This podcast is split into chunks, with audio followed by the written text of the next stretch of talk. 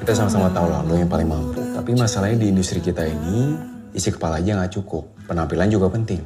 Orang-orang mana pantas mimpin kita? Mimpin. Belajar dandan dulu gimana? Lo itu yang paling pantas gantiin Mbak Sheila. Ah, ah. Mama nyuruh kamu jaga makan, rawat badan. Itu semua buat kamu. Bukan buat mama. Rara kenapa? Ini masalah orang jelek lo, kamu gak bakal ngerti. Gue udah bilang sama lo kan, gak usah gangguin anak kos sekap gue.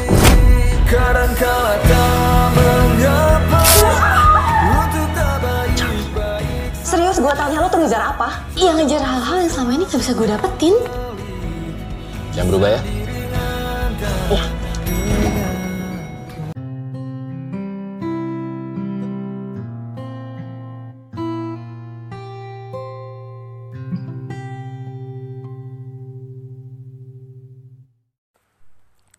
Insecure.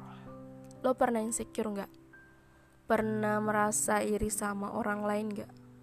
Gue yakin ya, tiap orang itu pernah iri sama orang lain. Mungkin irinya nggak selalu di fisik, tapi lebih ke keadaan ekonomi, sosial, atau kepribadian, dan lain-lain. Ya tadi adalah sedikit potongan trailer dari film Imperfect Film Imperfect mengajarkan bahwa manusia itu punya standar kecantikan. Kita sering kali mendoktrin isi kepala untuk mendeklarasikan bahwa cantik itu mesti begini dan begitu. Sehingga ada adegan di film ini yang mengatakan, ini masalah orang jelek, lo gak bakalan paham. Seolah-olah jelek itu adalah sebuah dosa. Itu tamparan banget sih asli. Sekarang dunia itu emang bener-bener kebanyakan berpihak sama yang good looking. Karena standar kecantikan ini, akhirnya banyak orang-orang yang lebih tertarik memperbarui fisik daripada akal. Gue setuju itu sih. Kalau gue sendiri nih ya, insecure-nya bukan di muka, bukan di fisik.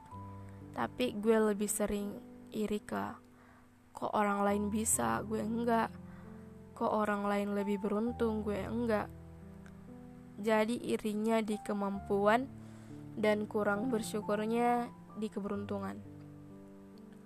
Kalau fisik gue nggak begitu peduli.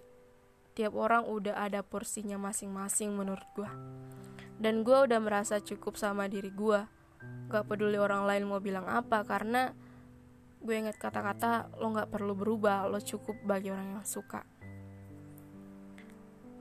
tapi karena lagi-lagi kita bahasnya tentang imperfect dan rasa insecure, gue rasa ini benar-benar perlu karena gue nyaksiin sendiri perubahan orang-orang di bumi ini tuh berlomba-lomba ingin terlihat sempurna, perfect sesuai standar kecantikan dunia, sesuai standar cakepnya orang-orang.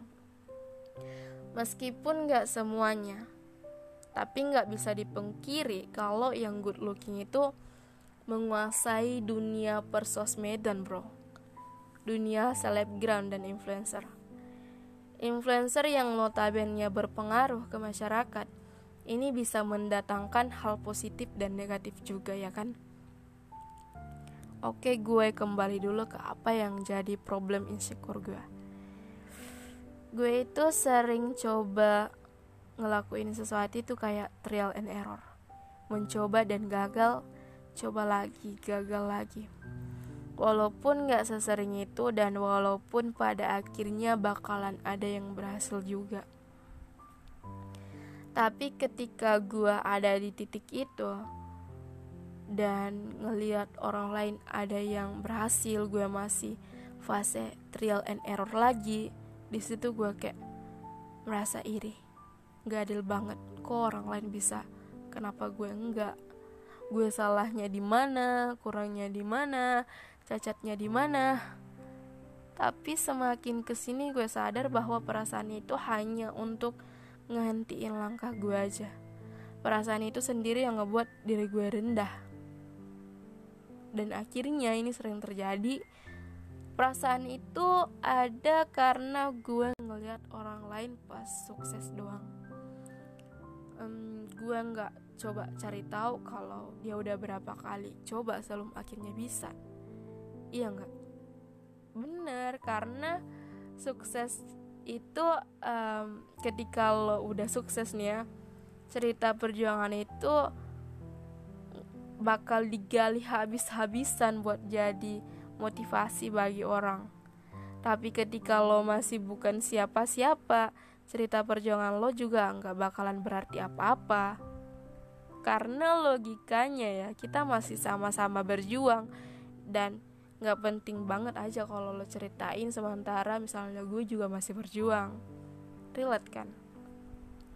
Ini akhirnya nyadirin gue nyadarin gue bahwa untuk sampai ke titik bisa itu nggak semulus yang gue kira aja.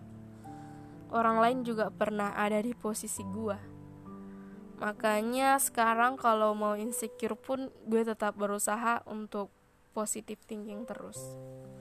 Perihal keberuntungan, gue gak bakal cerita banyak karena ini salah gue dalam perspektif menilai Tuhan. Walaupun Tuhan gak pantas dinilai. Ya lo siapa mau nilai-nilai Tuhan? Lo aja apa-apa bergantung sama Tuhan gitu. Sebenarnya kalau dibilang beruntung, gue beruntung sampai sekarang. Ini karena lagi-lagi gue gak sadar kalau gue udah seberuntung itu. Ya namanya manusia gak bakalan pernah puas sama apa yang udah dia punya. Kata-kata gue gak seberuntung dia atau kamu laki banget, beruntung banget, gue enggak. Hey stop it, udah, udah. Hentiin pemikiran yang gak dewasa itu karena seolah-olah lo ngejudge Tuhan itu nggak adil. Padahal lo aja yang mungkin nggak sadar kalau lo udah dikasih sebelumnya tapi irinya baru sekarang. Karena lagi-lagi nih ya hal baik itu nggak selalu dikasih bersamaan coy. Nggak selalu dikasih rata sama setiap orang dan nggak selalu dengan cerita yang sama. Ini udah kepanjangan sih ya gue mau ngasih tahu aja kalau perasaan insecure itu harusnya nggak ada sama manusia. Apalagi kalau insecure fisik ya. Actually manusia nggak ada yang sempurna nggak ada yang benar-benar sempurna. Mau diambil dari sudut pandang apa pun selalu ada celah kalau sempurna itu bukan punya manusia. Film imperfect ini benar-benar punya makna yang mendalam banget sih gue ingat si pemeran cowoknya bilang kamu jangan berubah ya. Tapi pada akhirnya si cewek berubah juga. Karena berbagai tamparan standar kecantikan yang menyiksa buat binder dan diperlakukan gak adil.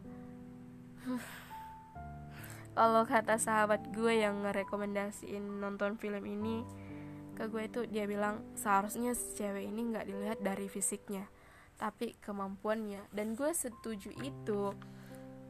Karena memang si karakter cewek ini punya skill dan kemampuan yang luar biasa kan? Tapi karena penampilannya menurut orang-orang yang gak cocok skill dan kemampuannya itu jadi bukan apa-apa. Gimana? Tamparan banget kan?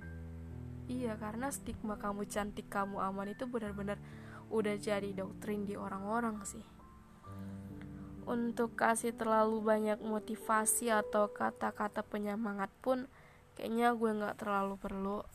Karena udah banyak banget yang ngebahas ini dan gue juga yakin kalau lo paham tentang ini. Intinya se-insecure apa pun lo sekarang seiri apa pun lo sama fisik atau kepunyaan orang lain sekarang gue harap lo lebih bisa berpikir positif ambil sudut pandang apa pun yang buat lo nyaman, yang buat lo merasa lebih baik tanpa harus insecure-insecurean lagi. Karena sebelum orang lain bisa nerima lo, lo harus terima diri lo dulu apa adanya. Oke oke kalau lo mau insecure. Tapi insecure-nya gue saranin jadi hal yang merubah diri lo ke versi terbaik tanpa merubah aslinya lo kayak gimana.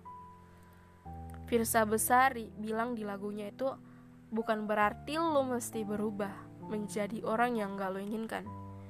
Yang ketika lo bercermin, lo natapnya orang asing, bukan diri lo sendiri. Itu jangan.